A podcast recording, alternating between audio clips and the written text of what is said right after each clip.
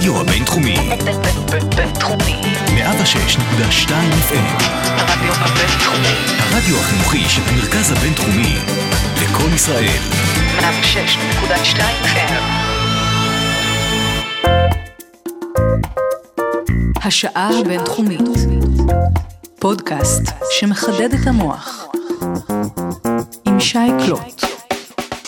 צהריים טובים לכל המאזינים שלנו, איזה כיף שהצטרפתם אלינו כאן, לשעה הבינתחומית, תוכנית האקדמיה של הרדיו הבינתחומי, 106.2 FM. אני שי קלוט, וממש כמו בכל יום שני, מצטרף אליי אחד החוקרים, אחד המרצים כאן במרכז הבינתחומי. והיום יש לי אורח חוזר, בפעם הקודמת הוא היה דוקטור, הוא התקדם. הוא היום כבר פרופסור יניב רוזנאי, אה, שיניב הוא חבר סגל מבית הספר הרי רדזינר למשפטים, אה, מומחה למשפט חוקתי וחוקתי השוואתי, ואנחנו נדבר על אה, דברים סופר אקטואליים, סופר רלוונטיים, אתם תבינו כבר תוך כדי השיחה אה, על מה אנחנו נדבר, אנחנו נדבר על אחת התיאוריות שיניב חוקר לעומק, והיא הולכת לקבל איזשהו באמת, אה, לא יודעת, זרקורים מטורפים בתקופה הקרובה, אז בשביל שהמאזינים שלנו ככה יבואו יותר חכמים אה, לכל הדיונים המשפטיים והפוליטיים שיהיו בקרוב, אז אה, זה אחלה הזדמנות אה, להשכיל טיפה. אה, אז יאללה, יניב, מה קורה? בסדר, תודה רבה, כיף להיות פה. איזה כיף שחזרת אלינו.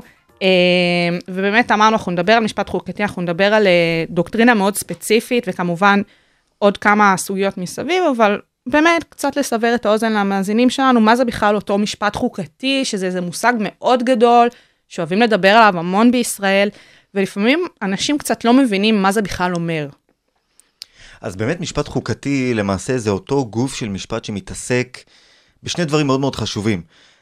ראשית, במערכת היחסים בין רשויות השלטון, כלומר איך רשויות השלטון פועלות ומה מערכת היחסים בינן, וגם מערכת היחסים בין רשויות השלטון והאזרחים.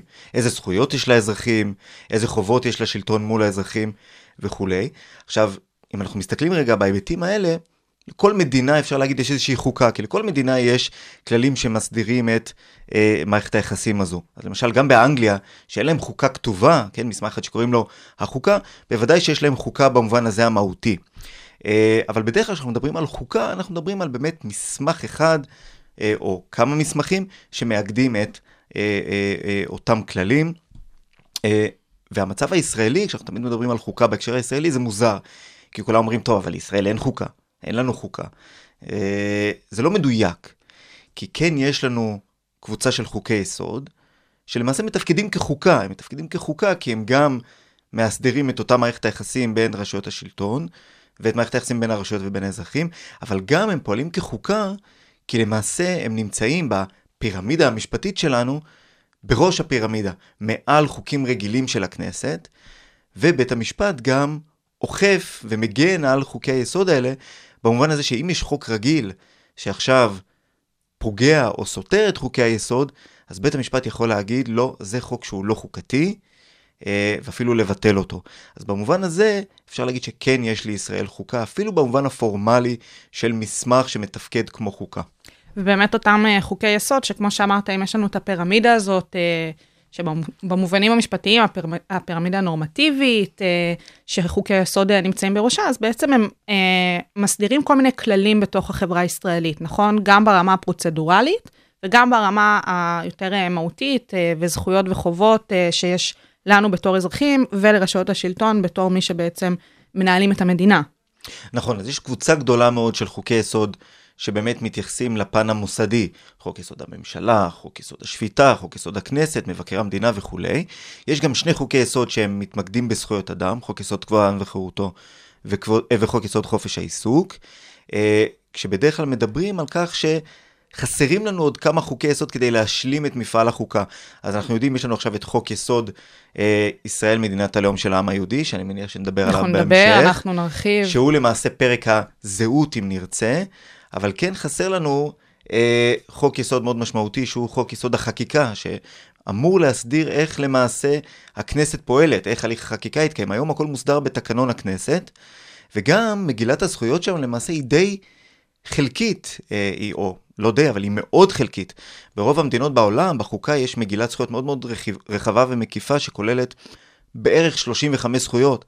אצלנו יש אולי 10-11 זכויות מוגנות, תלוי איך סופרים. בדיוק. אז, אה, אז באמת יש עוד מה לעשות. יש לנו מה לעשות. בסדר, אנחנו דמוקרטיה צעירה. בדיוק, בדיוק. יש לנו עוד מה לעשות, אה, ואנחנו נעשה את זה, אני בטוחה שבסוף אנחנו נצליח. אה, מעניין אותי לדעת איך אתה הגעת לחקור את התחום הזה, כי באמת תחומי המשפט הם מאוד רחבים ומאוד מגוונים, וכאילו המשפט החוקתי הוא נשמע כמו משהו כזה מאוד גדול ומאוד רחב, אז איך אתה התגלגלת בסופו של דבר למחקר הזה, המחקר החוקתי והחוקתי השוואתי? אה, אז האמת, טוב, זה נשמע אולי קצת קיצ'י, אבל, אבל האמת, כבר בשנה א' בבינתחומי, כשהייתי סטודנט, אה, ידעתי שאני רוצה להתעסק במשפט חוקתי, כי המ- המרצה שלי היה אמנון רובינשטיין. והוא מבחינתי היה הדוגמה, ואמרתי, וואו, ככה, זה מה שאני רוצה לעשות, זה מה שאני רוצה לחקור, אה, ו- וככה, ומשנה א' לא היה לי ספק שזה מה שאני רוצה לעשות, אז... אה, איזה כיף, זה באמת uh, מאוד משפיע על uh, בחירת הדרך uh, בהמשך. Um, טוב, נראה לי שאנחנו נתחיל לדבר קצת יותר תיאוריה וקצת יותר תכלס. Uh, אז באמת דיברנו רגע ועשינו את ההבחנה והסברנו את החשיבות של חוקי יסוד, דיברנו על אותה פירמידה נורמטיבית, um, ואיפה נכנס פה בעצם בית המשפט בתוך הסיפור הזה של חוקי היסוד, כי אנחנו יודעים שמי שמחוקק אותם היא בערך הכנסת, נכון? אולי נסביר בכלל איך חוק יסוד הופך להיות חוק יסוד. Uh, וכמובן שנגיע באמת לתפקיד של בית המשפט בתוך הסיפור הזה, ומתי מתחילות הבעיות. אז uh, איך חוק יסוד בכלל נחקק? אז האמת, זה, פה באמת אפשר לראות את הייחודיות או את המוזרות של השיטה הישראלית. כי בכל העולם יש איזושהי הבחנה בין, נקרא לזה, פוליטיקה יומיומית ופוליטיקה חוקתית. בדרך כלל בשביל לשנות את החוקה או לתקן את החוקה, יש איזשהו הליך מיוחד, איזושהי פרוצדורה ייחודית שמסמנת לכולם, דעו לכם עכשיו אנחנו עושים משהו מיוחד, אנחנו לא פועלים ברמה הרגילה של הפוליטיקה, אלא בפוליטיקה הגבוהה יותר, החוקתית, שאמורה לשקול באמת אינטרסים עמוקים יותר וארוכי טווח. והפרוצדורה הזאת בדרך כלל מבקשת לוודא שהשינוי משקף איזשהו רצון עמוק יותר של העם. איזושהי הסכמה רחבה יותר. אז בדרך כלל יש איזשהו רוב מאוד מאוד מיוחד או גבוה בפרלמנט. לפחות שני שליש, בדרך כלל לפעמים גם יותר, אה, או איזשהו הליך מיוחד כמו בחירות לאספה מכוננת, שתחוקק את השינוי הזה, או משאל עם לפעמים, או למשל בחירות. אה, אז יש איזשהו משהו מיוחד. אה, בישראל זה לא המצב. בישראל אין הבדל בין חקיקה של חוק יסוד לבין חקיקת חוק רגיל. למעשה הכנסת, כשהיא פועלת בכובע של האספה המכוננת, בכובע המכונן שלה, יכולה לכונן חוק יסוד חדש או לתקן חוק יסוד קיים, בפרוצדורה הרגילה, שזה אומר אפילו תוך יום, יום וחצי, בשלוש קריאות, אה, בלי רוב מיוחד. כלומר, שני חברי כנסת מול אחד יכולים לתקן את חוק יסוד כבוד וחירותו או לכונן חוק יסוד חדש. אה, אה, במובן הזה, אין אצלנו הבדל באמת בין פוליטיקה יומיומית ופוליטיקה חוקתית, ואנחנו רואים גם את התוצאות של זה. כלומר, מתי שהאינטרסים הפוליטיים הצרים מצריכים שינוי של כללי המשחק, של חוקי היסוד, אז אין בעיה לעשות את זה. ובאמת, הרבה פעמים זה מוביל גם לביקורת ציבורית או פוליטית, אבל בסופו של דבר לא משנים את השיטה. זאת אומרת, יודעים שזאת השיטה, כמו שאמרת, זה יכול באמת להתבצע על ידי רוב רגיל, שניים מול אחד, זה יכול להתבצע אה, באישון ליל, באיזה מליאה כזאת שמתגלגלת לה לשעות הלילה, אנחנו יודעים שזה קורה לא מעט, אבל הביקורת הזאת תמיד נמצאת שם ולא משנים את זה. ובסופו של דבר זה כן משרת את כל הצדדים הפוליטיים. בדיוק, אני חושב שיש פה בעיית נציג מאוד מאוד עמוקה במובן הזה, שגם אם כולם מבינים שזה לא ראוי, אין לאף אחד עכשיו תמריץ, לאף אחד מהפוליטיקאים, תמריץ לשנות את זה. כי זה מאוד מאוד נוח אה, אה, לשלטון, שהוא למעשה יכול לשלוט בכללי המשחק ולשנות אותם אה, אה, לפי, אה, לפי מה שהוא צריך. אז אין באמת תמריץ לפוליטיקאים לשנות אותם. אני כשלעצמי חושב שעיצוב ראוי של שינוי חוקתי צריך להיות כזה שהוא יהיה מנוסח בצורה של מדרגות, שאת הכללים החוקתיים ה... נקרא לזה יותר פשוטים או יותר פרוצדורליים שהם לא באמת מהותיים, יהיה אפשר לשנות ברוב של, נקרא לזה רוב חברי הכנסת, 61 חברי כנסת, mm-hmm. אבל שאת רוב הכללים, שהם הכללים החשובים, לפחות יהיה צריך 80 חברי כנסת, שני שליש בשביל לשנות. אבל גם להכניס כל מיני מגבלות, למשל מגבלות של זמן, מגבלות טמפורליות. נניח באיטליה, אם רוצים לשנות את, את החוקה, אז צריך לחכות ארבעה חודשים מרגע שמגישים הצעה עד שדנים בה, כדי באמת לוודא שזה לא איזושהי קפריזה רגעית, או שעושים פה שימוש לרעה בכלי, אלא שזה מבטא איזשהו רצון עמוק יותר. גם של העם, לראות את דעת הקהל, איך היא מושפעת רגע מההצעה, וגם לראות שחברי הפרלמנט בעצמם קצת מבינים יותר את המשמעויות. ולראות איך זה יכול אה, להתגלגל הלאה. בדיוק, מכניסים לתוך ההליך הזה איזשהו אפקט מצנן. אה, אה, אז אני חושב שזה משהו שברמת הראוי לחשוב עליו. ובאמת גם הצגנו את התהליך שזה קורה פה בישראל, בפרלמנט שלנו, בכנסת, שהיא גם יושבת בתור רשות מכוננת, וכמובן בתור הרשות המחוקקת. וכמו שאמרת, יש את איטליה, אבל יש עוד המון המון דוגמאות, אנחנו ניגע בכל מיני דוגמאות במהלך השעה הזאתי. אה, גם בהקשר של איך לחוקק את אותם חוקי יסוד או אותם אה, עקרונות חוקתיים הללו, וגם אה, במובנים אחרים שבאמת מה התפקיד של בית המשפט בתוך הסיפור הזה. אבל אולי רגע נבין מה זה אומר באמת במובן הישראלי, במובן ההיסטורי, כי לא תמיד היו לנו חוקי יסוד, גם לא לכל דבר. אם אנחנו יודעים באמת את הסיפור של חקיקת חוקי היסוד בשנת 92 בהקשר של זכויות האדם, אז לפני זה, זה לא שהעקרונות הללו לא היו קיימים, נכון? הם היו, אבל הם פשוט לא הוסדרו בחוקי היסוד. אוקיי, okay, אז אולי באמת צריך להבדיל בין, בין עקרונות יסוד לבין חוקי יסוד. אז בואו נלך באמת רגע קצת אחורה. אה, אני מצטער על שיעור ההיסטוריה, אבל נעשה את, זה ממש, נעשה את זה ממש זריז. שהמאזינים ייכנסו רגע לאווירה. אז מבחינה היסטורית הרעיון היה באמת לאמץ חוקה נוקשה. אה, החלטה 181, כן, אנחנו לא רחוקים מכ"ט בנובמבר, ההחלטה של האו"ם ההכרה של האו"ם בהקמת מדינה יהודית הותנתה בזה שתיכתב חוקה דמוקרטית. זה מופיע בהחלטה 181 של, של העצרת הכללית, ובאמת, בהכרזה על הקמת המדינה, דובר על כך שיהיו בחירות לאספה מכוננת שתכתוב חוקה נוקשה. בסוף אנחנו יודעים, היו כל מיני חילוקי דעות אה, האם זה נכון לכונן חוקה והאם זה הזמן הנכון, הרי רוב היהודים לא היו בישראל באותה עת. אה, והיו באמת מחלוקות, אנחנו מכירים את זה, הדתיים התנגדו, בן גוריון לא כל כך רצה. אה, בסופו של דבר, ב-1950 יש לנו את מה שמכונה פשרת הררי, שאומרת, טוב, אם אנחנו לא יכולים עכשיו להסכים על חוקה מלאה, נעשה את זה בשלבים. שיטת הסלאמי. אנחנו נפרק את החוקה לפרקים, שכל פרק יהיה חוק יסוד, והכנסת תאמץ כל פעם חוק יסוד שהוא יהיה פרק בחוקה. אבל החלטת הררי השאירה לנו שתי שאלות פתוחות. מה המעמד של הפרקים האלה בחוקה? האם זה מעמד של חוקה או סתם מעמד של חוקים רגילים? Mm-hmm. וגם מה הדדליין? מתי הם אמורים לסיים את הדבר הזה? ושני הדברים האלה אה, אה, נשארו פתוחים תקופה מאוד מאוד ארוכה.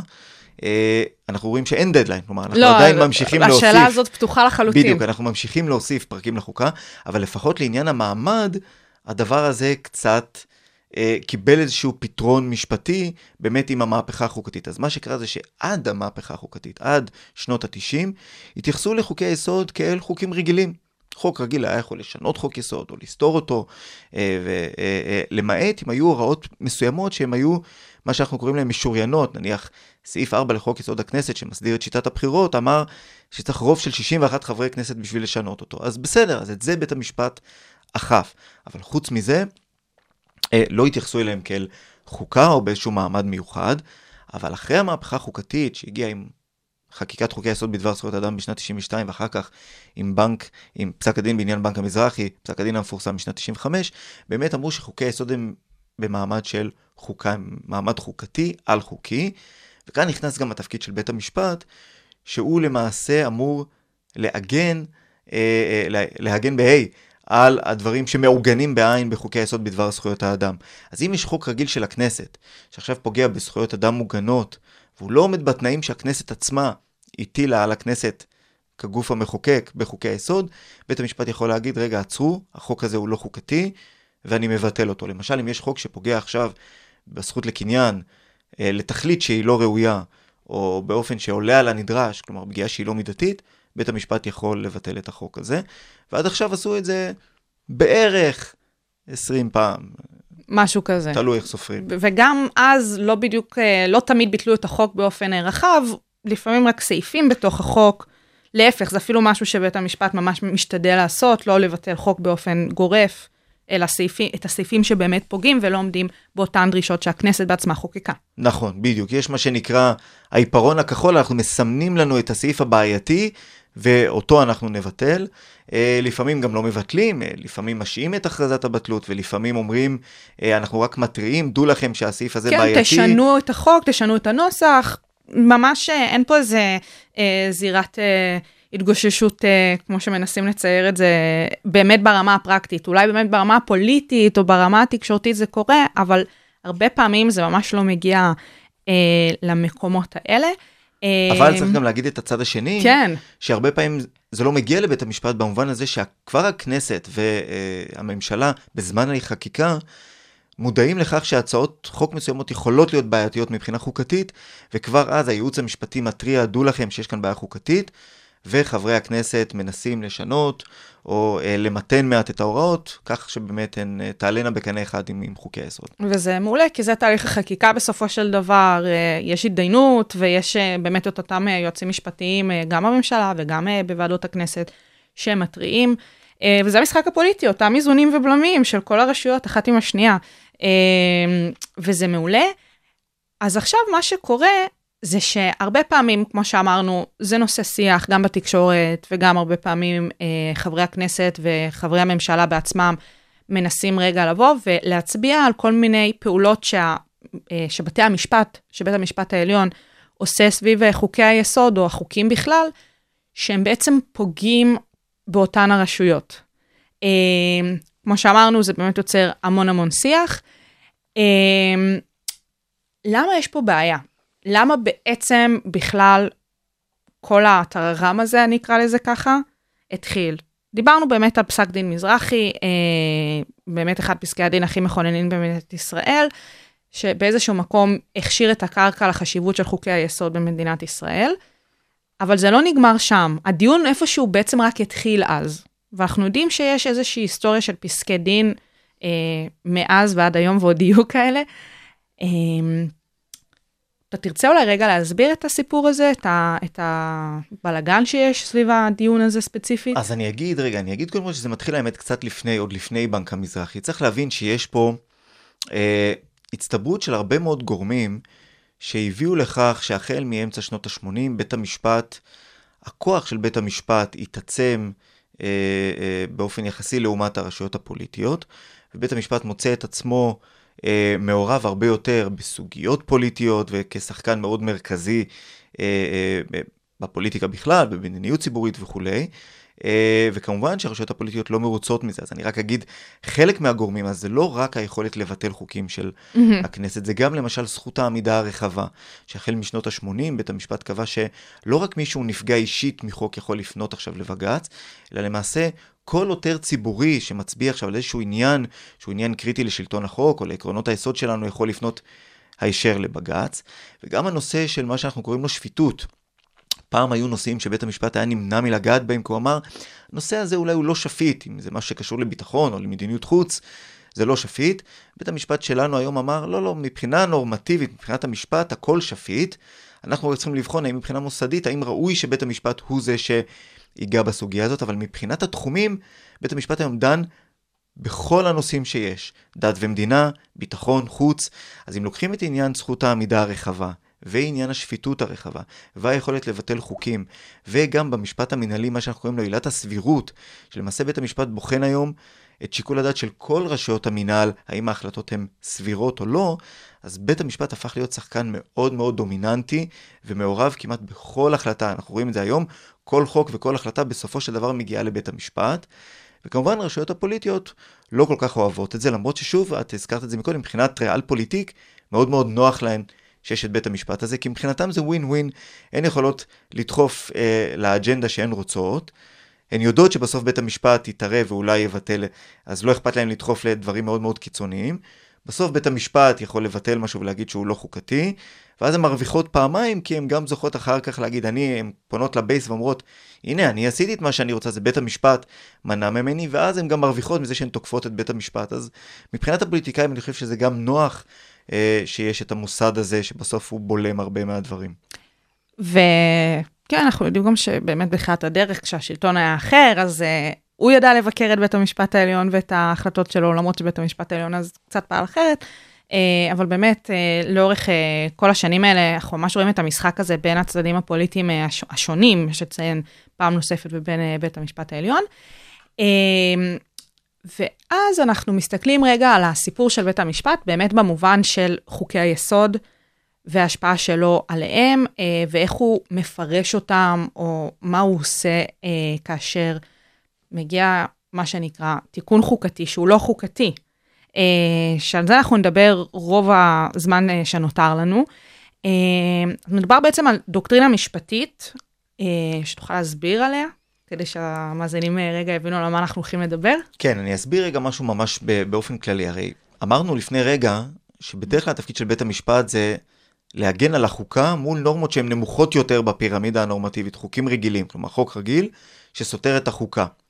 זה, נראה, זה הגיוני, ואז החוק מוכרז כלא חוקתי. אבל נשאלת השאלה מה קורה אם יש איזשהו תיקון לחוקה, או במקרה שלנו חוק יסוד חדש, או תיקון לחוק יסוד, שפוגע בהוראות חוקתיות אחרות. האם הוא יכול להיות לא חוקתי? על פניו זה נראה לא הגיוני. נכון. כי אם תיקון לחוקה, אני יוצא רגע שנייה מהספירה הישראלית ל- לרמה כללית יותר, האם תיקון לחוקה מתקבל לפי הפרוצדורה? הוא הופך להיות חלק מהחוקה. נכון. אם הוא חלק מהחוקה, יש לו אותו מעמד נורמטיבי כמו יתר חלקי החוקה, ואז הוא חייב להיות חוקתי. איך, איך משהו חוקתי יכול להיות לא חוקתי? זה, זה נראה משהו פרדוקסלי, כן? זה, זה לא נראה הגיוני. אה, אז באמת מה שאנחנו רואים בעולם, זה שכן הדבר הזה אפשרי, כלומר זה לא בהכרח כשל לוגי, אבל פה צריך להבין רגע קצת את התיאוריה שעומדת מאחורי זה. הרעיון ממש בקצרה ובלשון הכי נגישה זה שיש הוראות חוקתיות מסוימות שנמצאות מעל הוראות חוקתיות אחרות. כלומר, אפשר להגיד שיש גם היררכיה נורמטיבית מסוימת גם ברמה החוקתית. כלומר, יש הוראות חוקתיות שהן נתפסות חשובות יותר או מהותיות יותר לסדר החוקתי, ולכן אנחנו נגן עליהן גם מפני שינויים חוקתיים אחרים. עכשיו, בהרבה מאוד מדינות, קל מאוד לראות את זה, כי החוקה עצמה אומרת, באיזושהי פסקה או באיזושהי הוראה, היא אומרת, העקרונות האלו הם חשובים כל כך, שאנחנו לא נאפשר לכם לפגוע בהם. בהם. זה כמו הנרות של חנוכה, אלא לראותם בלבד, אסור לגעת בהם, גם לא באמצעות שינוי חוקתי. אז למשל בגרמניה, סעיף 79.3 לחוק היסוד הגרמני אומר, כבוד האדם, גם בתיקון חוקתי אי אפשר לגעת בו, מן הסתם לאור לקחי השואה והכישלון של רפובליקת ויימאר, אי אפשר לגעת בכבוד האדם. כן, אז יש לנו אותו דבר בהרבה מאוד מדינות אחרות שמגנות על למשל שיטת המשטר הרפובליקנית או על עקרונות היסוד הדמוקרטיים או על איזושהי ליבה של זכויות אדם, באופן כזה שאומר, ההוראות האלה אי אפשר לגעת בהם, ולכן אנחנו קוראים להם פעמים רבות פסקאות נצחיות, אני לא כל כך אוהב את זה. עכשיו, הסיפור הזה זה לא משהו שמחייב חוקה. כמו שאמרת, זה קיים במספר חוקות. זה לא איזשהו תנאי אה, הכרחי ליצירת חוקה. נכון, חד משמעית. זה כן קיים בערך ב-40% מהחוקות היום. עכשיו, אני כן ראיתי שיש איזושהי מגמה אה, אה, גוברת לכלול בחוקות כאלה פסקאות. אז אם נגיד בעבר, בוא נניח לפני מלחמת העולם השנייה, פחות מ-20% מהחוקות בעולם כאלו כאלה פסקאות, אה, היום בחוקה, חד... בוא נגיד ב- ב- ברוב החוקות שנחקקות היום, אה, סביר להניח שנמצא פסקת נצחיות mm-hmm. כזו. כלומר, זה הפכה להיות כן איזושהי מגמה מודרנית מאוד לכלול בחוקה איזושהי ליבה של ערכים שתהיה מוגנת מפני שינוי. אה, ואז זה מעורר לנו את השאלה, אוקיי, יניב דיבר על 40% מהחוקות, אבל מה קורה אם החוקה לא כוללת כאלה פסקאות? בדיוק. האם זה אומר שהכל הולך, שיש עכשיו צ'ק פתוח לפרלמנט לעשות כל שינוי חוקתי שהם רוצים? אז גם כאן אנחנו מוצאים איזושהי מגמה מעניינת בעולם, אה, שאומרת את הדבר הבא. תראו, עצם זה שהחוקה שותקת בעניין הזה, זה לא אומר שהכל הולך. אה, ויש בתי משפט במדינות שונות, זה התחיל בהודו בשנות ה-70 של המאה הקודמת, ומשם זה נדד למדינות השכנות ולעוד כל מיני מדינות, אה, שבמדינות האלה בתי המשפט אמרו את הדבר הבא, אמרו, זה נכון שהחוקה שותקת, ועדיין יש איזושהי ליבה של ערכים חוקתיים, שהם כל כך חשובים למה שהחוקה אומרת, כל כך משקפים את הזהות החוקתית שלנו, את רוח החוקה, שהם מוגנים באופן משתמע משינויים חוקתיים, שאי אפשר לשנות אותם. למשל, בהודו דיברו על דמוקרטיה ושלטון החוק, וחילוניות והפרדת רשויות. יש איזושהי ליבה של ערכים. אם, אם אנחנו ננסה רגע לדמות את החוקה שלנו לאיזשהו בניין, אז יש את עמודי התווך, יש את העמודים שמחזיקים את הבניין הזה, להרוס את אחד מהעמודים האלה, יכול להרוס את כל המבנה החוקתי. ולכן חברי הפרלמנט, שהם בסך הכל פועלים מכוח החוקה ובתוך הסדר החוקתי, לא יכולים להרוס עכשיו את החוקה הזאת, הם לא יכולים להרוס את המבנה הזה. זה מה שבתי משפט בכמה מדינות אה, אמרו. אה, איך חברי הפרלמנט הגיבו לאמירות האלה של בית המשפט? או, אז כמובן, בהודו כשזה קרה, חברי הפרלמנט מאוד לא אהבו את זה, והם הגיבו בתיקון חוקתי, שאמר לבית המשפט, תירגע. בדיוק, תקשיב, גבר, אתה כאן, אתה מגזים, רגע, בואו שבו, שתו כוס. מים קרים. שנייה. תרגיעו, אה, והתיקון זה פשוט לא יאמן. התיקון החוקתי הזה אמר את הדבר הבא, הוא אמר, תקשיבו, אנחנו חברי הפרלמנט, כשאנחנו פועלים בכובע המכונן שלנו, כשאנחנו שמים את הכובע של האספה המכוננת, אנחנו יכולים לעשות מה שאנחנו רוצים. לשנות כל סעיף בחוקה, לשנות כל דבר בחוקה, ולא רק זה, הם גם הבהירו שאתם, בית המשפט, אין לכם שום סמכות להתערב בשינויים חוקתיים שאנחנו עושים. עכשיו, בית המשפט לא אהב את זה. הפינג פונג הזה מאוד מאוד נחמד, מה שקורה פה. בדיוק, בית המשפט בהודו לא אהב את זה, ובית המשפט בפסק דין מ-1980 אמר לפרלמנט, לא, לא, לא, אתם התבלבלתם. אתם, חברי הפרלמנט, אתם סמכות שהיא מוגבלת. אתם סמכות שפועלת מכוח החוקה, וסמכות שהיא מוגבלת לא יכולה להפוך את עצמה לסמכות בלתי מוגבלת. ולכן, התיקון הזה שאתם ניסיתם עכשיו להעביר, הוא בעצמו לא חוקתי, וביטלו אותו. עכשיו, בהודו, הפינג פונג הזה הסתיים כשהיד של בית המשפט על העליונה, והדוקטרינה הזאת שבית המשפט קבע, שקוראים לה דוקטרינת המבנה הבסיסי, שאי אפשר לפגוע במבנה הבסיסי, השתרשה ובאמת נשמרה, ועד היום בית המשפט מפעיל אותה. אבל חשוב לציין שבמקומות אחרים זה לא הסתיים ככה. יש מדינות שהתוצאה שה, הייתה לא לטובת בית המשפט, אלא דווקא לטובת הפוליטיקאים. אז מקרה דומה, פחות או יותר, התרחש לא מזמן בהונגריה. בהונגריה בשנת 2012. בית המשפט החוקתי אמר אה, לפרלמנט, תקשיבו, יש פה כמה דברים, שינויים חוקתיים שאתם עושים שהם לא כל כך בסדר. מה שהפרלמנט עשה אז, הוא הכניס בתוך החוקה החדשה שנכנסה, אה, אה, שהתקבלה ב-2011, יש תמיד בחוקות איזושהי הוראה בסוף, אה, הוראות מעבר. כל מיני הוראות שאמורות לעזור לסדר החוקתי לעבור מהחוקה הישנה לחוקה החדשה. מה שהפרלמנט עשה, הוא ניסה שם לעשות איזשהו תרגיל, והוא אמר, תראו, כל מיני חוקים שבזמנו הכריזו עליהם שהם לא חוקתיים, אני מכניס אותם בתוך הוראות המעבר האלה כחלק מהחוקה. ואז למעשה לתת להם איזשהו מעמד עליון. בית המשפט החוקתי אמר לפרלמנט, מה שאתם עושים פה זה לא בסדר. זה מחטף. זה מחטף, וזה גם לא באמת הוראות מעבר, אתם סתם שמים פה חוקים רגילים, ונותנים להם מעמד חוקתי, אתם לא יכולים לעשות את זה, וביטל חלק מההוראות האלה. הפרלמנט אז לא אהב את זה, וה, אה, והפרלמנט, שחשוב להגיד, שם מפלגת השלטון, אה, אותה מפלגת הפידז, היא שהיא אה, קיבלה או החזיקה בשני שליש ממושבי הפרלמנט, מה שאפשר לה לשנות את החוקה איך שהיא רצתה. ואז הוא תיקן את החוקה בתיקון הרביעי לחוקה, והוא אמר, קצת בדומה להודו, הוא אמר לה, אה, לבית המשפט, אתם לא יכולים לגעת בשינויים חוקתיים, לא יכולים להתערב בהם. אה, ואחר כך באמת, כשהייתה איזושהי עתירה נגד אותו תיקון רביעי, בית המשפט החוקתי אמר, הידיים שלי כבולות, אני לא יכול להתערב. ובאמת, אה, כאן מתחילות כל הבעיות, אבל אתה נותן פה הרבה השוואות לכל מיני מדינות, וקצת מעניין אותי למה בחרת דווקא להשוות עם המדינות האלה אל מול uh, הדוקטרינה בכלל, וגם כמובן אל מול הסיפור הישראלי. Uh, לדוגמה, הודו, זו גם שאלה שעולה הרבה פעמים uh, סביב הספר שלך, גם ברשתות וגם בדיונים משפטיים כאלה ואחרים. למה דווקא את המדינות האלה? אז האמת שזאת שאלה נהדרת. אני חושב שצריך להבין פה כמה דברים. קודם כל, בהרבה מאוד מדינות שיש בהן את אותן פסקאות נצחיות, כמו שאמרנו, כן? איטליה, גרמניה, ברזיל, השאלה אה, כמעט לא מתעוררת, כי, כי יש את אותן פסקאות נצחיות. אז אם בית המשפט אוכף, הוא אוכף את פסקת הנצחיות. אה, אז אני שם רגע בצד את אותן 40% כן. מהמדינות בעולם, נשארנו עם 60%. אה, ואז יש שאלה, אוקיי, למה הודו? למה בנגלדש? אה, מלזיה, כן? כן, זה כאילו מדינות כאלה שטסים אליהם בסוף uh, הצבא. בדיוק, אבל, לא בהכרח, אבל לא בהכרח מדינות שאנחנו רוצים להידמות אליהן מבחינה כן. חוקתית. אז קודם כל אני חייב להגיד שזה באמת מצער ש... אנחנו צריכים לדבר על הדברים האלה, אבל פה קצת קשה להאשים אותי את השליח שאני מביא את זה, כלומר, צריך פה להאשים את הפוליטיקאים שהביאו אותנו למצב הזה, ופה אני חייב לתת איזשהו דיסקלמר, כשאני כתבתי את עבודת הדוקטורט ב-2010, אה, אה, בנושא הזה, בסוף היא הוגשה בתחילת 2014, אני לא מזכיר בכלל את ישראל, כי לא העליתי על הדעת שאנחנו בכלל נצטרך להגיע למצב הזה. אה, אבל לחזור לשאלה, אז צריך להבין שיש פה כל מיני פקטורים. מתי הדוקטרינה הזאת מתעוררת? מתי השאלה הזאת מתעוררת? היא מתעוררת ראשית כשהליך השינוי החוקתי הוא באמת גמיש יחסית.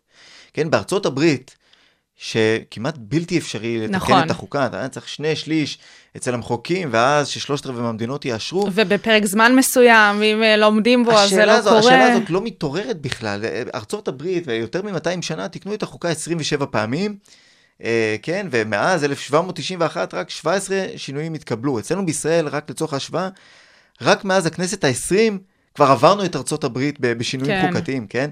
אז, אז קודם כל, בהרבה מאוד מדינות שההליך, החק... שההליך השינוי החוקתי הוא מאוד נוקשה, לא, לא צריך את זה, הדוקטרינה לא מתעוררת.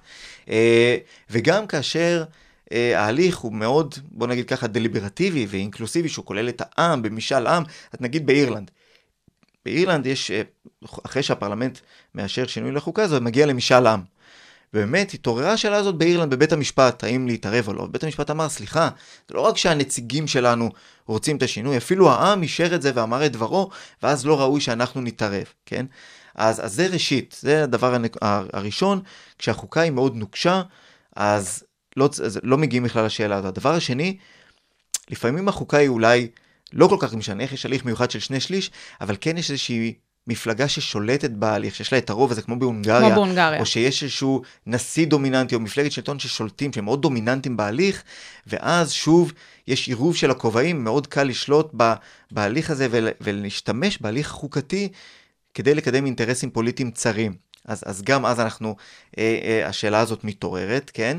אה, למשל, אני אתן לך דוגמה, היו לא מזמן כמה מקרים כאלה, אה, אני אקח רק אחד, ושוב, לא מדינה שאנחנו רוצים להידמות לה, אבל כמעט המדינה שלנו הייתה שם באוגנדה, אה, אז, אז שם חברי הפרלמנט היו צריכים לתקן את החוקה על איזשהו משהו, ועל הדרך הם אמרו, רגע, אם כבר אנחנו מתקנים את החוקה ויש לנו רוב, אז בואו נאריך את הכהונה שלנו מחמש שנים לשבע שנים. למה כי לא? למה לא?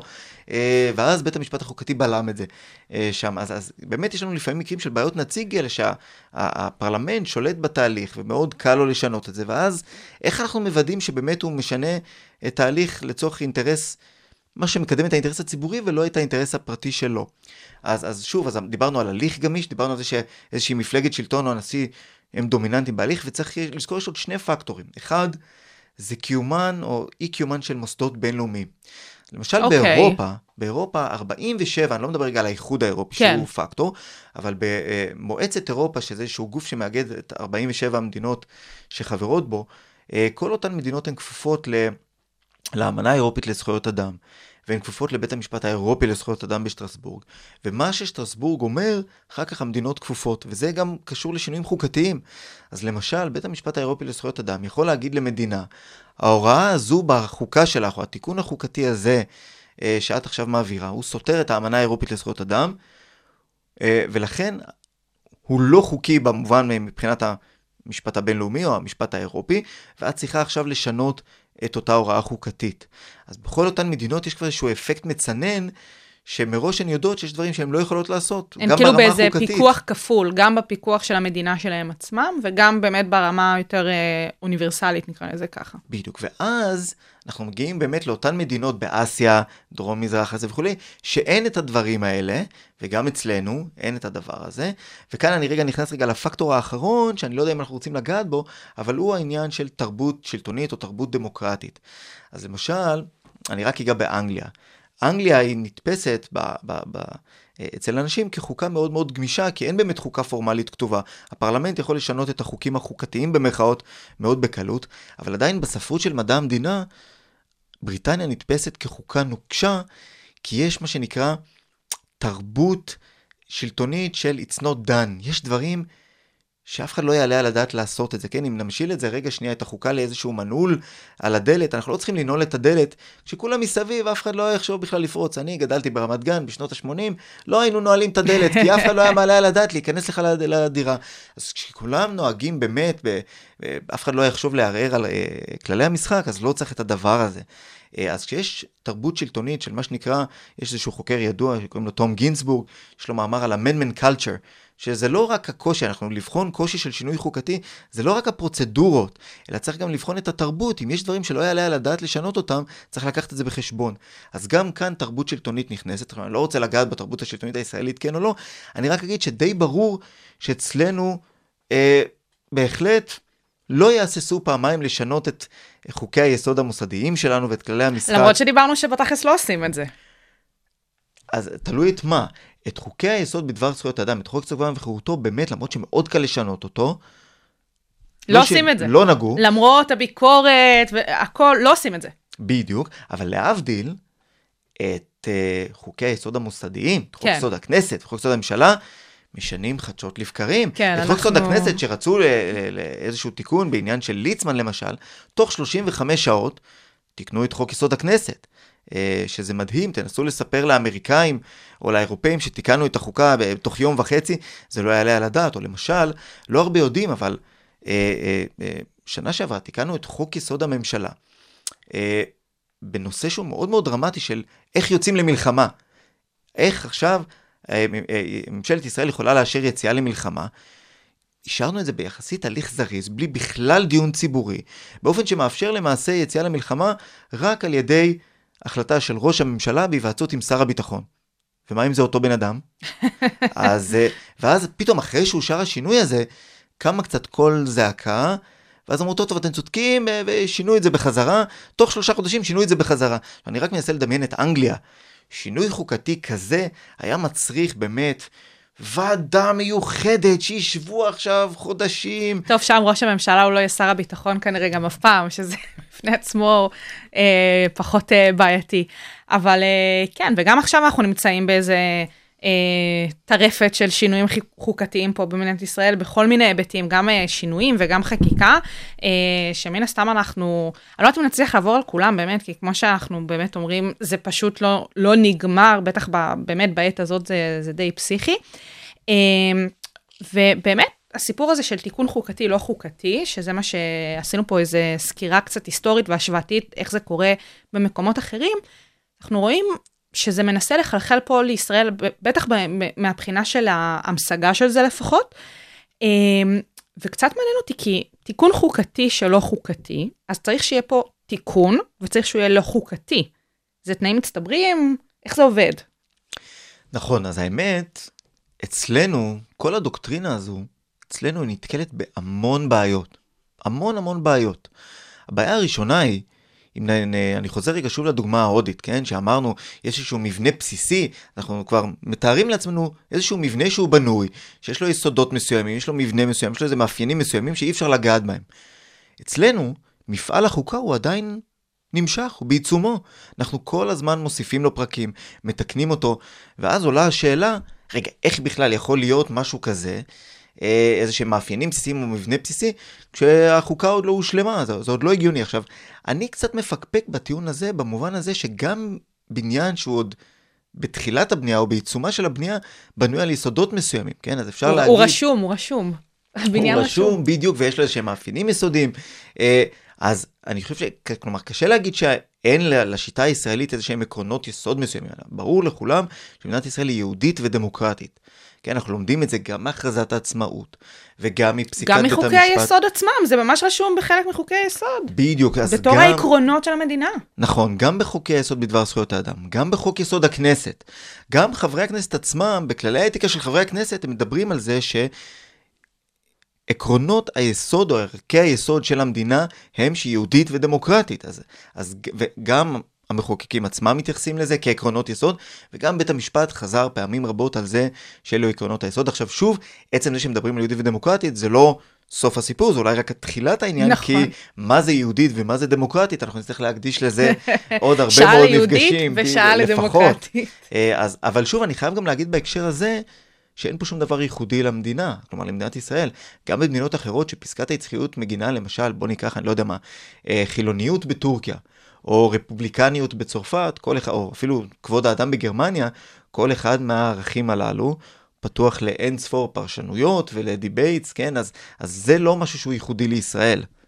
העניין הוא שאנחנו מנסים להבין כאן את הבאמת אה, התייחסות של בית המשפט העליון לאותם תיקונים.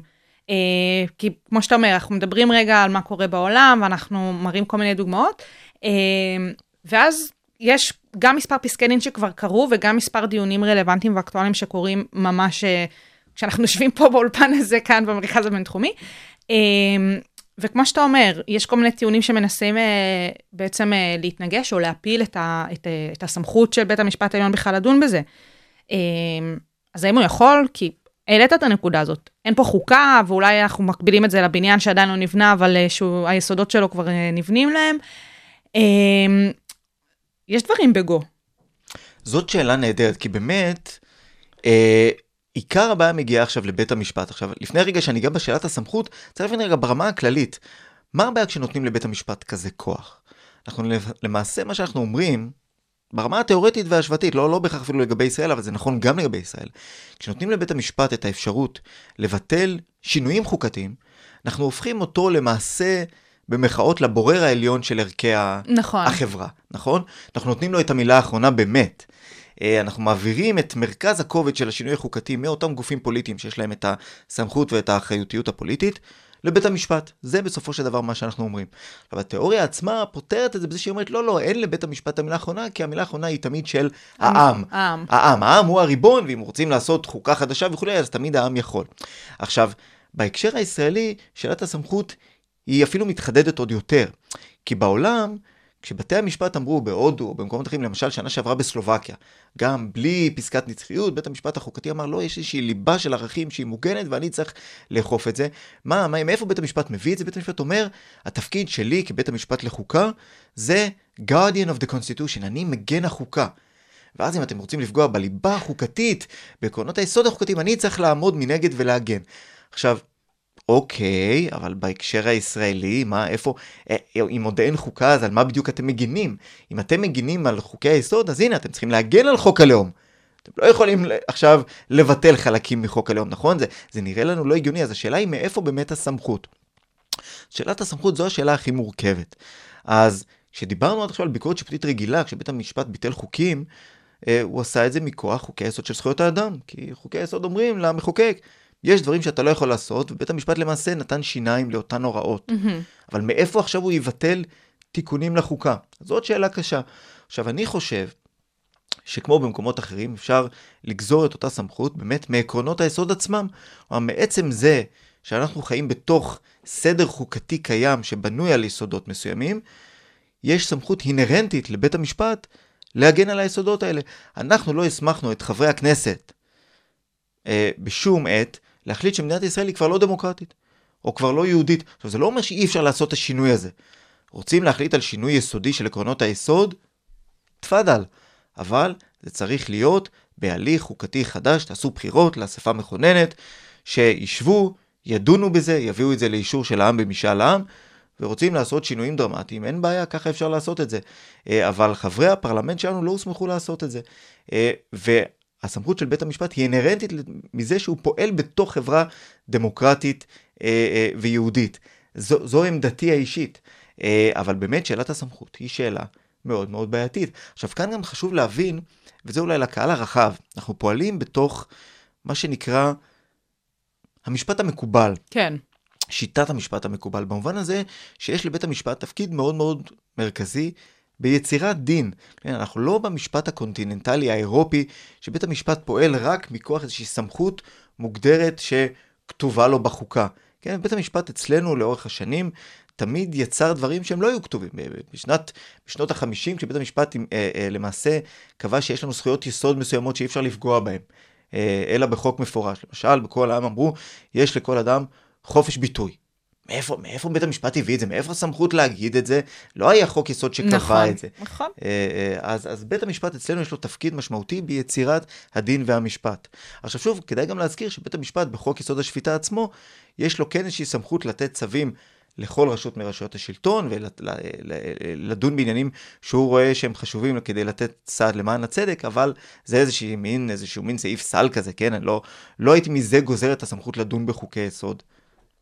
אמ, ובאמת, אנחנו מדברים רגע על תיקונים, וחוק הלאום, אנחנו רגע נצלול שנייה אה, לנושא המאוד אקטואלי הזה. זה, זה חוק בפני עצמו. זה משהו, כמו שאמרנו, אם אנחנו בעצם אוספים מלא פרקים שבסופו של דבר יבנו את החוקה שלנו, אז מגיע חוק הלאום, שאולי זה גם מתקשר אה, לחלק מפסקת הנצחיות שלנו של דמוקרטית ויהודית, אז זה באיזשהו מקום מבוסס, מבסס את המהות היהודית, או את הלאום היהודי, אה, כפי שהמחוקקים אה, חוקקו את החוק עצמו.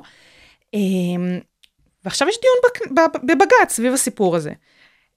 אז אולי תוכל רגע להסביר שנייה איך זה יתגלגל לבג"ץ, ואז נבין איך הדוקטרינה נכנסת בתוך הסיפור הזה של חוק הלאום. אוקיי, אז באמת, חוק הלאום, הוא אמור להיות איזשהו באמת פרק בחוקה שלנו, פרק הזהות. זה משהו שמתגלגל כבר משנת 2011 בכנסת. בזמנו, בשנת 2013, אה, שרת המשפטים ציפי לבני נתנה לפרופסור רות גביזון, אה, אה, זיכרונה לברכה, לבחון את האפשרות של עיגון, נקרא לזה הלאום בחוק יסוד. גביזון אז חשבה שזה לא מתאים, לא מהבחינה שזה לא ראוי שזה יהיה, אלא שזה לא נכון עכשיו לעשות את זה, כי זה רק... עוד לא הבשילה. יח... בדיוק, זה רק יחמיר את השסעים אה, במקום יאחד, ואני חושב שהיא היא צדקה, היא צדקה אז, ואני חושב שאנחנו רואים את זה היום ברטרוספקטיבה. אה, ובאמת, אה, אה, בסוף 2018, ביום האחרון אה, של הכנסת, אה, הכנסת מחוקקת את, אנחנו קוראים לו חוק הלאום, אבל למעשה זה חוק יסוד מדינת ישראל, מדינת הלאום של העם היהודי, אה, שאמור להיות פרק הזהות. עכשיו, זה לא פרק הזהות. זה לא פרק הזהות שלנו, כי הזהות של ישראל, בתעודת הזהות שלה, זה יהודית ודמוקרטית. כי אנחנו חוזרים על זה לאורך כל השעה, זה באמת מחוקק במספר חוקי יסוד, ובעצם לקחו אולי את אחד היסודות, ומנסים לבודד אותו פה. נכון, אז הפרק הזה באמת מתייחס רק לעניין היהודי, רק ללאום היהודי. עכשיו, חשוב לי להבהיר כאן, ההצעה הזו שהתקבלה שונה לחלוטין מהצעות שונות שהיו, למשל, הצעת חוק שהוצעה, הצעת חוק יסוד שהוצעה על ידי אה, חברי הכנסת איילת שקד, יריב לוין ורוברט אילטוב ב- בהקשר הזה. לא חברי כנסת מהשמאל, כן? אי אפשר לא, לטעות בהם. ממש לא. בהצעה שלהם אמרו את הדבר בהם, אמרו את רוב ההוראות שאנחנו מכירים מחוק הלאום היום, שמדבר על זה שישראל היא מדינת הלאום, ושליהודים והמעמד יש של השפה, זכות להגדרה עצמית ושפה. וההתיישבות יהודית. בדיוק, אבל היו שם גם עוד הוראות נוספות שלא נמצאות בחוק היסוד כפי שהוא התקבל. הוראה אחת מדברת על זה שבאמת ישראל היא מדינה יהודית ודמוקרטית, כלומר מופיעה הנוסחה הזאת של יהודית ודמוקרטית. הדבר השני זה איזושהי הפניה להכרזת העצמאות. הרי אין שום חוק יותר מתאים להפנות להכרזת העצמאות או הכרזה על הקמת המדינה מאשר בחוק הלאום, נכון. שלמעשה מכיר בזה שיש ליהודים זכות להגדרה עצמית וזכות ל, אה, אה, למדינה, מדינת לאום כאן בארץ ישראל. אה, זה לא מופיע בחוק זה הלאום גם לא שהתקבל. מופיע באף חוקי יסוד אחרים, יש לציין. אין אף- הפניה בחוקי יסוד בישראל אה, למגילת העצמאות. יש בשני חוקי היסוד בדבר זכויות האדם. אוקיי. יש בסעיף, יש בסעיפים הראשונים, כן התייחסות לזה. אה, והדבר השלישי שחסר, ולמשל מופיע באותה הצעת חוק של איילת שקד ואחרים, זה שהתייחסות לזכויות הפרט. אה, אה, כי יש תמיד חשש, רגע, אם עכשיו אתם מתייחסים רק ללאום היהודי, מה קורה עם למעלה מ-20% מהאזרחים הישראלים שהם לא יהודים? אז, אז כן, הייתה איזושהי הוראה שאמרה, כן, עדיין יש לכל אחד זכויות פרט. שלושת הדברים האלה לא מופיעים לא בחוק הלאום. קיימים. כמו שהתקבל. עכשיו, אני חייב להודות ברמה האישית, אותי, כאזרח ישראלי, אני לא מדבר רגע אפילו כמרצה למשפט חוקתי, זה מרתיח. עצם העובדה שאין התייחסות למדינת ישראל כיהודית ודמוקרטית. מה, אנחנו מתביישים להגיד בזה שאנחנו דמוקרטיה? ועצם זה שהורידו התייחסות להכרזה על הקמת המדינה, זה מבחינתי ביזיון פוליטי ממדרגה ראשונה. עכשיו, אם יורשה לי כאן בהזדמנות הזאת, להציע איזשהו ניתוח פוליטי, אוקיי, לא משפטי. אפשר טיפה.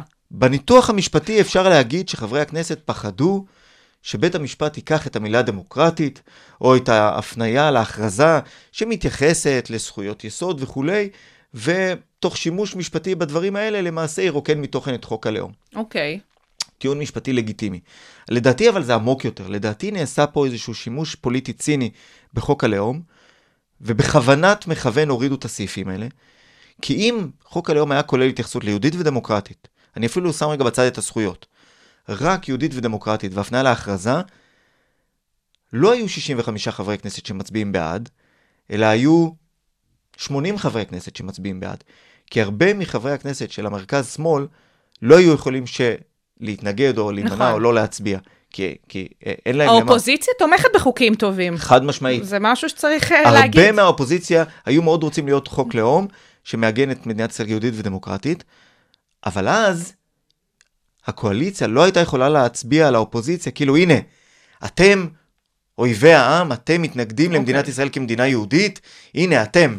אה, אני חושב שזה היה שימוש פוליטי לנסות לחדד את ההבחנה בין אנחנו והם, אה, שזה מה שמאוד מאפיין היום אה, הרבה מאוד שליטים ברחבי העולם, לבנות על ההבחנה הזאת של אויבים וחברים, כן, אנחנו והם, אנחנו השלטון מייצגים את העם הלאומי, הם אותם ליברלים אוניברסליים שרוצים רק ערכים אוניברסליים וחיצוניים ולא את הדברים הלאומיים, ואני חושב שזה זה מבחינתי מאוד מאוד מכעיס אותי ברמה האישית. ויש כאן עוד איזה עניין, שגם דיברנו על זה קצת מקודם, שזה מעבר לסיפור הפוליטי של אנחנו והם, בר, באמת ברמה של המחנות של ימין ושמאל, יש פה גם את העניין הפוליטי של המשחק הפוליטי בין המוסדות uh, במדינה, של הנה, לחוקק חוק מסוג זה, ואז שהוא יגיע לבג"ץ, ואז שאולי בית המשפט העליון, ביושבו כבג"ץ, יפסול את החוק, או יעביר עליו ביקורת. ודיברנו על זה כבר מקודם, שהרבה פעמים uh, צד פוליטי שהוא בשלטון, אה, רוצה לבוא ולהראות, הנה, אני בעצם אה, מממש את אה, רצון העם, אני, הריבון הוא העם, אני בסופו של דבר אה, רק הנציג אה, של הציבור. מעביר חוק אה, בסדר גודל כזה, באמת, אה, כמו שאמרת, פותח פה את פרק הזהות בחוקה העתידית של המדינה, ובג"ץ בא ואומר, שנייה, זה לא חוקתי. זה משהו שלדעתך קיים פה? לבוא ולהיכנס להתבחבשות הזאת בין הצדדים? אז רגע, קודם כל צריך להגיד, לטובת המחוקקים, היו כמה הוראות בנוסח, ה, אה, אה, אה, בגלגולים של חוק היסוד לפני שהוא התקבל, שהם היו מאוד מאוד בעייתיים.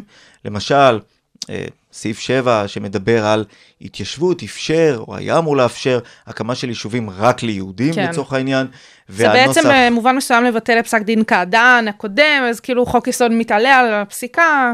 בדיוק, מעולה. ו, וזה רוכך, זה רוכך בנוסח, אבל בין היתר כי אמרו שם, תקשיבו, זה גם לא יתקבל טוב, זה, זה באמת יכול להיות, אם, אם בג"ץ יתערב, הוא יתערב בכזה סעיף, אה, וריככו אותו, והיה עוד סעיף, שאנחנו קוראים לו, אפשר לקרוא לו אולי סעיף העליונות, שאמר שכל דין קיים יפורש לאור חוק הלאום. Mm-hmm. עכשיו, מה זה כל דין קיים? היו יכולים פשוט להגיד, חוק יסוד כבוד האדם וחירותו יפורש לאור הזה. לאור חוק היסוד הזה. כלומר, היה פה איזשהו רעיון לתת עליונות לחוק הלאום על פני חוקי יסוד האחרים, גם הסעיף הזה ירד. שלא רק שדיברנו מקודם על הצעת חוק אה, האחרת שהציעו, ששם הייתה התייחסות לזכויות פרט, בקטע מאוד חיובי, אז כאן חוק היסוד אה, בהצעה המקורית שלו, ניסה לא רק אה, לאפשר את זה, אלא לבטל את מה שכבר קרה סביב הסוגיה הזאת של זכויות פרט. בדיוק, להגיד שהוא מתגבר. עכשיו, דברים האלה ירדו, עכשיו, זה צריך להגיד כמובן לטובת המחוקקים, ואני לא יודע... כן, לטובת המחוקקים אנחנו שבסוף... בעד חיזוקים חיוביים פה. חד משמעית, חד משמעית, זאת הייתה החלטה מצוינת. עכשיו, אני רוצה גם להגיד עוד איזושהי מילה רק לעניין האופי, האופן שחוק היסוד התקבל. אמרנו על זה שהוא התקבל ביום האחרון של המושב, וזו הייתה חלוקה מאוד מאוד בינארית של אופוזיציה-קואליציה, כן? כל האופוזיציה אה, התנגדה וכל הקואליציה הייתה בעד. אה, עכשיו שוב, אני חושב ששינויים חוקתיים דרמטיים כאלה צריכים להתקבל בהסכמה רחבה. עכשיו, כמובן, שאז יגידו לי, מה, אבל חוק יסוד כבוד וחירותו לא יתקבל, בר, כן, 32 נגד 21, אנחנו תמיד חוזרים למספר הזה. אני שוב חושב גם שזה היה ביזיון שחוקי יסוד וזכויות האדם לא יתקבלו ברוב נכון. הגבוה. אין פה, זה לא, כן, זה לא מצדיק את זה. אבל, אבל אני חושב שבוודאי שינויים חוקתיים כאלה לא צריכים להיות אופוזיציה מול קואליציה, צריכים להיות בהסכמה הרבה יותר רחבה. וחבל שזה לא היה המצב. אבל שוב, זה לא מאוחר, אפשר עדיין לתקן את חוק, את חוק יסוד הלאום. אני חושב שחוק היסוד הלאום הוא פרק חשוב בחוקה, אני לא חושב שצריך לבטל אותו מבחינת המחוקקים, אני חושב שהמחוקקים כן צריכים לתקן אותו, ולהוסיף לו בוודאי את הנוסחה של יהודית ודמוקרטית והפניה להכרזה על, הקמת המדינה, וכן צריכים גם לקבל או בתוך כבוד האדם וחירותו או כחוק יסוד נפרד, את עקרון השוויון. לא ייתכן שנהיה הדמוקרטית היחידה בלי עיגון חוקתי של שוויון. אה, אה, אותי כאזרח ישראלי, הדבר הזה מביך. טוב, אנחנו נראה, התוכנית משודרת אה, אה, בעתיד, לא בעת הקלטה, אבל אה, יש הצעה עכשיו שמוגשת בנוגע אה, לשוויון, אז אה, היום אמורה לעלות לטרומית, אני חושב. אנשי העתיד, מאזיני העתיד, כבר ידעו את התשובה בנוגע אליה, אז אנחנו לא זה. אה, עכשיו, חשוב אה, לדבר רגע. הסיפור של הבג"ץ שמוגש אה, סביב חוק הלאום, אה, הוא רק הוגש, זאת אומרת, עדיין עוד לא נעשה הדיון האמיתי אה, בהרכב המורחב, נכון? נכון. אז באמת הוגשו מספר עתירות, כן. מספר רב של עתירות, צריך להגיד. 15, אני חושבת. אני בערך. כבר הפסקתי לספור באיזשהו שלב, אבל אני חושב שאת צודקת. אה, אה, באמת מספר רב מאוד של עתירות נגד, ה, נגד, הת- נגד, נגד החוק הזה, אה, ובג"ץ קבע שהוא הולך לדון בזה בהרכב מורחב של 11 שופטים, מה שגרר בזמנו, אני זוכר, איזשהו עליהום תקשורתי ופוליטי, מה פתאום בית המשפט מרחיב את, הס- את ההרכב. אני חושב- להפך. זה נראה לי הדבר הכי טבעי, מה אתם רוצים שהרכב של של- שלושה ששלושה שופטים יחליטו בכזאת סוגיה עקרונית. חד משמעית, אני חושב שטוב עשה בית המשפט, וזה נושא שהוא מאוד כבד משקל. אה, מה שהרתיח אותם זה איך בית המשפט בכלל מעז לדון בזה. זהו. עכשיו, פה צריך רגע לשים, באמת זה קצת מתחבר לדיון הקודם שאמרנו, שפה יש לנו איזושהי בעיה קונספטואלית עמוקה יותר, שאפילו לא מדברים פה על תיקון, כי אנחנו אומרים למעשה, גם מי שמכיר נניח בדוקטרינה אומר, רגע, רגע, זה לא כמו תיקון לחוק יסוד הכנסת, שאולי אפשר להגיד שהוא כפוף לדברים שכתובים בחוק יסוד הכנסת, אלא זה פרק חדש בחוקה, זה, אם, אם ננסה רגע להמשיל את זה למקומות אחרים, זה לא תיקון, אלא זה כאילו עכשיו העם כותב משהו, חוקה חדשה, או פרק נכון. חדש בחוקה, נכון? זה איזושהי, מה שאנחנו קוראים לו ב- בלשון המקצועית, סמכות מכוננת מקורית, זה הנה, זה איזה פרק בחוקה. אז טוב, קודם כל אצלנו זה קצת מגוחך, כי אין באמת את ההבחנה הזאת. כן, אני אישית חושב שחברי הכנסת, בין אם הם מתקנים חוק יסוד קיים, או, או מכוננים חוק יסוד חדש, הם פועלים באותו כובע מכונן, כן? זה לא איזשהו משהו שעכשיו קוראים לעם אה, אה, לפעול, אבל באמת, יש שאלה איך בכלל אפשר לדון בפרק בחוקה. אה, אז זו, הש... אז זו השאלה הקריטית, אני לא רואה הבדל. אה, כלומר, אה, זה, זה רק יפתח איזשהו, אם נגיד שבית המשפט לא יכול לדון ב, בחוק יסוד חדש, אם נבין רגע את ההשלכות הפרקטיות, מה שזה אומר שעכשיו במקום לתקן את חוק יסוד ועם וחירותו נגיד, אה, מחשש שאולי יגידו שזה תיקון, אז פשוט יעשו חוק יסוד חדש לכל דבר, כן? חוק יסוד הגירה לישראל, חוק יסוד, כלומר לכל דבר שירצו אה, לחסן אותו במחאות מפני ביקורת שיפוטית, אז יקראו לו חוק יסוד. אה, אה, זה כמובן לא יעלה על הדעת. זה תמיד איזשהו פחד, תמיד מדברים על זה כ... אה, כמשהו שיכול לקרות שפשוט ייקחו חוקים איזוטריים ויוסיפו לזה אה, באמת אה, מהבחינה הצורנית, חוק יסוד, ואז אה, כמובן אה, זה יעלה אותו דרגה חוקתית. אנחנו נחכה ונראה. אז אנחנו מגיעים לשאלות של מה שנקרא שימוש לרעה בחוקי יסוד. בדיוק. שזה כאילו למעשה איזושהי דוקטרינה חדשה שהתעוררה קצת בפסק דין בנק מזרחי, עוד אמרו, אבל רגע, אוקיי, אמרנו שיש חוקי יסוד של מעמד של חוקה, מה יקרה אם המחוקק ייקח חוק שאין לו בכלל שום דבר חוקתי, אין לו שום קשר מבחינת המטריה לחוקה, ויקרא לו חוק יסוד. ואז אמרו, טוב, יכול להיות שזה יהיה שימוש לרעה. עכשיו, זה סתם עלה כאיזושהי הערת אגב בשנת 95. בדיוק, זה לא הלכה, ממש לא, ממש הערת אגב בתוך ממש. פסק הדין. ופתאום, בשנים האחרונות, דווקא זה הפך להיות הדוקטרינה המרכזית, הסוגיה המרכזית. עכשיו, איפה זה התעורר? אה, אם זה בסדר שנגיע לזה עכשיו בשלב הזה בשיחה, זה, זה התעורר דווקא בנושא מאוד מוזר של התקציב הדו-שנתי. מה שקרה בשנת 2008, דבר מאוד מוזר. אנחנו יודעים שהיה משבר כלכלי-פיננסי מאוד כן. מאוד גדול. והממשלה אמרה, רגע, אנחנו רוצים פה ודאות פיננסית, ודאות כלכלית, בואו נעשה, רק בגלל המצב, נעשה תקציב שהוא יהיה לא לשנה אחת, הרי אנחנו יודעים, אצלנו בדמוקרטיה, כמו ברוב המדינות בעולם, הממשלה מגבשת תקציב, מביאה אותו לנבחרי העם לאישור אחת לשנה, זה עיקרון בסיסי בדמוקרטיה, שנבין איך אנחנו, איך המיסים שאנחנו משלמים, איך הממשלה הולכת עכשיו להוציא אותם. והם אמרו, במקום פעם בשנה, נעשה תקציב לשנתיים, אה, ובאמת עשו את זה פעם אחת, ואז הם אמרו, וואלה, זה לא רע, בואו נעשה פיילוט. אה, איזשהו אה, ניסיון, ניסוי, ואולי נעשה, אולי נאמץ את זה. אז הם עשו עוד פעם, הלכו עוד פעם ועשו עוד פעם תקציב דו-שנתי, כמעין פיילוט. אז בזמנו הייתה עתירה נגד הדבר הזה, עתירה של חבר הכנסת אה, רוני ברון, אה, ובית המשפט לא התערב באותו דבר, הוא אמר, טוב, מותר לחברי הכנסת לעשות פיילוט אם הם רוצים לבחון את זה, אבל, אבל הנשיאה בייניש העלתה, כן, היא אמרה, תראו, יכול להיות שבאמת איזשהו חוק, שינוי של חוק יסוד, שהוא יהיה זמני כזה, לצורך פוליטי צר, יכול להיות שזה יהיה שימוש לרעה, אבל צריך לבחון אז. שזה מה כמו המטריה? שאתה קורא לזה כרטיס צהוב, שבית המשפט העליון הוציא. מעולה, בדיוק איזשהו, צ- איזשהו כרטיס צהוב שאמרו, בוא נראה, בוא נראה, אה, אני מזהירה ככה את חברי הכנסת, תדעו לכם, אל, אל עכשיו תרגישו שיש לכם כן. עכשיו איזשהו כלי לעשות בו שימוש איך שבא לכם, ת, תיזהרו כשאתם לא משנים. למתוח את הגבולות. בדיוק, אל תשנו את חוקי היסוד ככה בחוקים זמניים, סתם ל, אה, אה, אה, לצורך הפוליטי הצר. לצערי, חברי הכנסת לא ממש הקשיבו לאזהרה הם הזו. לא קראו, הם לא קראו פשוט את פסק הדין. שתי אפשרויות, או שלא קראו, או שזה נכנס מאוזן אחת ויצא מאוזן השנייה, ואז אה, תיקנו את, את אה, אותו, אותם חוקי יסוד שקשורים לתקציב בפעם השלישית, ובפעם הרביעית, ובפעם החמישית. למעשה הגענו למצב שבמשך עשור לא היה תקציב שנתי, אלא תקציב דו-שנתי. עכשיו, חשוב להבין שזה מאוד מאוד נוח לממשלה.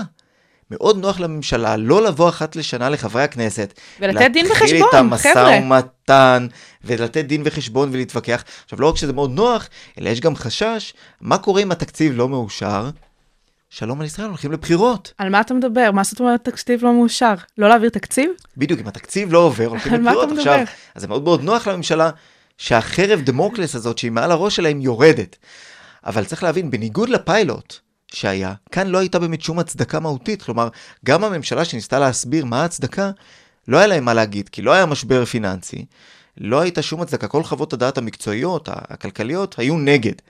אז באמת בית המשפט, באותו פסק דין של המרכז האקדמי למשפט ועסקים, שדן בתקציב הדו-שנתי בפעם החמישית, כבר הוציא איזשהו כרטיס אדום, ואמר למחוקק, חבר'ה, כשאתם משנים עכשיו את התקציב לתקציב דו-שנתי בפעם החמישית, בלי דיון ציבורי, בהוראת שעה, סתם לצורך הנוחות הפוליטית הצרה שלכם, זה שימוש לרעה בחוקי יסוד. פעם הבאה שתעשו את זה, אנחנו לא נאפשר את זה. אה, וזאת הייתה מעין מה שאנחנו קוראים לו בשפה המקצועית התרעת בטלות. פעם הבאה שתביאו את זה אנחנו נתערב. אה, סוג של רעידת אדמה. אה, אבל הדוקטרינה הזאת, היא גם באמת עכשיו הפכה להיות איזושהי דוקטרינה מאוד משמעותית בכל מיני שינויים שאנחנו רואים עכשיו. למשל, בשינוי עכשיו של התקציב, שאמרו, טוב, לא צריך להגיש את התקציב עד מועד מסוים, אלא נדחה את המועד של הגשת התקציב, אה, או כל מיני שינויים אחרים. למשל, השינוי החוקתי הדרמטי שעברנו, של ממשלת החילופים. שינוי שיטת משטר לחלוטין. פתאום שינינו את שיטת המשטר שלנו מראש ממשלה לראש ממשלה חליפי, שיש ראש ממשלה וראש ממשלה חליפי, שכל אחד יש לו את השרים שלו, שרק הוא יכול לפטר אותם. כלומר, חשוב רגע. לסבר את האוזן, הייתה, היה פה מקרה של אה, ממשלת רוטציה, זה משהו שקרה בשנות ה-80, לא שינו בשביל זה את חוקי היסוד. לא שינו את חוקי היסוד, בוודאי. לא שינו את שיטת המשטר בשביל איזשהו הסכם פוליטי. נכון מאוד, ועשו משהו שונה במובן הזה שהכוח של הכנסת נשמר, כי ברוטציה שהייתה בעבר, מה קרה? כשהגיע הזמן להתחלף, וזה אולי יפתיע אותך, אבל הם התחלפו. פוליטיקאים כיבדו את המחויבות שהייתה בהסכם קרה. הפוליטי. אני מבקש מכל המאזינים לשבת, אני מקווה שהם יושבים, אה, אה, וכיבדו את ההסכם הפוליטי. הכנסת, זה, זה הובא לאישור של הכנסת, והכנסת אישרה את זה מחדש, כלומר בתום התקופת ביניים. פה רצו לשריין את זה מראש, וכדי כאילו לעגן את זה ולתפור את החליפה היטב, שינו את חוקי היסוד רק בשביל זה, ועוד עיגנו את זה ברוב מיוחד ש... של 70 חברי כנסת שיוכל לעשות את זה. אה, אבל, אבל זה באמת שינוי חוקתי של כללי המשחק, עוד לפני שהמשחק יסתיים. אה, לא, אם ננסה רגע לחשוב, רגע, כששינינו ב-92 את חוק יסוד הממשלה כדי לשנות לבחירה ישירה, נכון. שהיא תהיה בחירה בשני פתקים, לראש ממשלה ולמפלגה, באמת שינוי יסודי, עשינו את זה גם בחוק יסוד חדש, כדי שכולם יבינו שיש פה שינוי מהותי של שיטת המשטר, וגם מכאן ואילך. לא עשינו כזה שינוי. ואז עולתה השאלה, ואז עולה השאלה, האם זה לא שימוש לרעה? האם אין פה שינוי של כללי המשחק, של באמת ש... סוג של שינוי של שיטת המשטר שלנו, רק לצורך הפוליטי הצר של שני פוליטיקאים שלא סומכים אחד על השני? ואנחנו בכלל לא יודעים איך זה ייגמר. שזה, שזה מהבחינה הפוליטית, זה הדבר הכי, הכי מקסים שיש. מתישהו זה ייגמר בבחירות. כן, זהו, אה, גם פה מאזיני העתיד אה, ידעו יותר מאיתנו.